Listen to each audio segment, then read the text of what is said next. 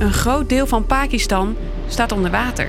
Echt een heel aanzienlijk deel van het land dat letterlijk onder water staat. Er zijn meer dan duizend doden en 33 miljoen Pakistanen zijn op een manier getroffen. Heel veel mensen zijn hun huis kwijt. Extreme regenval, hitte, droogte en smeltende gletsjers. Het blijkt een perfect storm voor de heftigste overstroming in Pakistan in jaren. Er zijn ehm, regelmatig overstromingen in Pakistan, maar deze zijn wel echt extreem. De Pakistanse overheid wijst het Westen aan als verantwoordelijke, want het komt volgens hen door de klimaatverandering die wij hebben veroorzaakt. The impact we see, it's not our fault at all. Hoe kon het zo misgaan in Pakistan en wie is daar verantwoordelijk voor? Ik ben Hilde en ik leg het je uit. Lang verhaal kort. Een podcast van NOS op 3 en 3FM. Het zijn hele moeilijke tijden, zegt deze vrouw. We zijn ons huis kwijt. Eigenlijk is er niks meer over. We zijn alles kwijt. Ja, dat die overstromingen een enorme impact hebben in Pakistan, dat hoor en zie je meteen. Kijk je naar satellietfoto's van een half jaar geleden, dan zie je complete dorpen met huizen, scholen, wegen.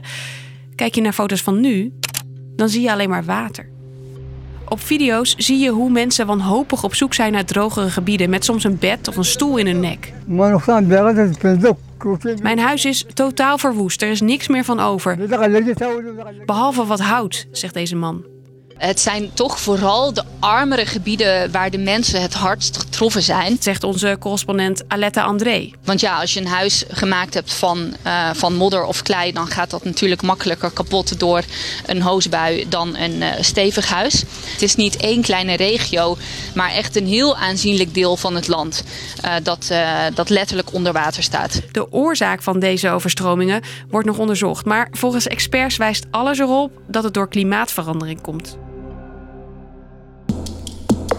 Een grote ramp dus. De Pakistanen proberen de schade wel te herstellen. Natuurlijk is het uh, Pakistanse leger op pad om zoveel mogelijk mensen te redden. Er wordt ook geld uitgedeeld aan getroffen families. En uh, er wordt voedsel uitgedeeld. Maar mede door de economische crisis die er al was, is er te weinig geld om het allemaal zelf te doen. De regering zegt het is niet genoeg. Wij hebben hulp nodig van de internationale gemeenschap om, uh, om, om alle slachtoffers te kunnen helpen. De schade herstellen kost minimaal 10 miljard euro, zegt de Pakistanse regering. En andere westerse landen moeten Pakistan daarbij helpen, vinden ze. Voor alleen al de allereerste noodhulp zouden ze honderden miljoenen nodig hebben. Dan gaat het echt om het bestrijden van ziektes, om het uitdelen van geld, om het uitdelen van voedsel. Um, en uiteindelijk ook uh, voor het opnieuw opbouwen van, uh, van woningen en infrastructuur. Maar echt veel geld heeft het Westen tot nu toe niet over voor Pakistan. Er is wel wat geld verzameld, maar het komt niet in de buurt van die 10 miljard.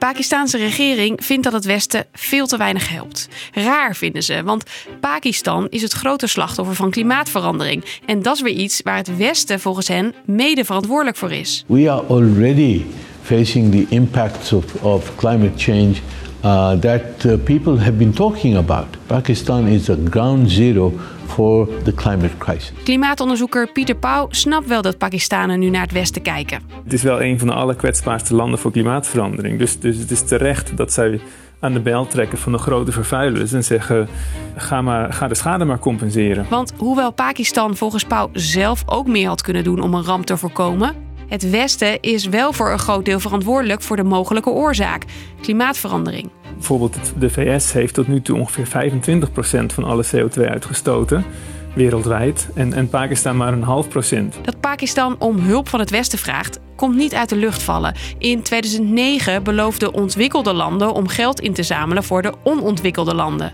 And rich countries previously pledged to provide 100 billion for developing countries for green transition. Met dat geld zou een land als Pakistan zich onder meer beter kunnen voorbereiden op rampen. Maar het beloofde bedrag verzamelen, dat is niet gelukt. En dat is natuurlijk tegen het zere been van de ontwikkelingslanden. Die, die zeggen van jullie beloven geld en het is er niet. Uiteindelijk ligt u onder de vraag welk land is waarvoor verantwoordelijk. En dat is heel lastig, zegt Pauw. Je komt in hele moeilijke vragen van moet je dan compenseren of moet je helpen? Wat ook uh, juridisch nog een heel belangrijk verschil is. Uh, dus het is een hele moeilijke discussie. Maar het is heel belangrijk dat die, dat die gevoerd wordt om, om samen op de wereld met klimaatverandering om te kunnen gaan.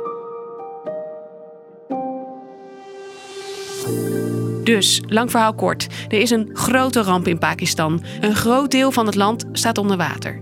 Dat komt voor een deel door de enorme regenval van de afgelopen maanden. Om de schade te herstellen zegt Pakistan minimaal 10 miljard euro nodig te hebben. Ze willen dat het Westen daarbij helpt omdat zij mede verantwoordelijk zouden zijn.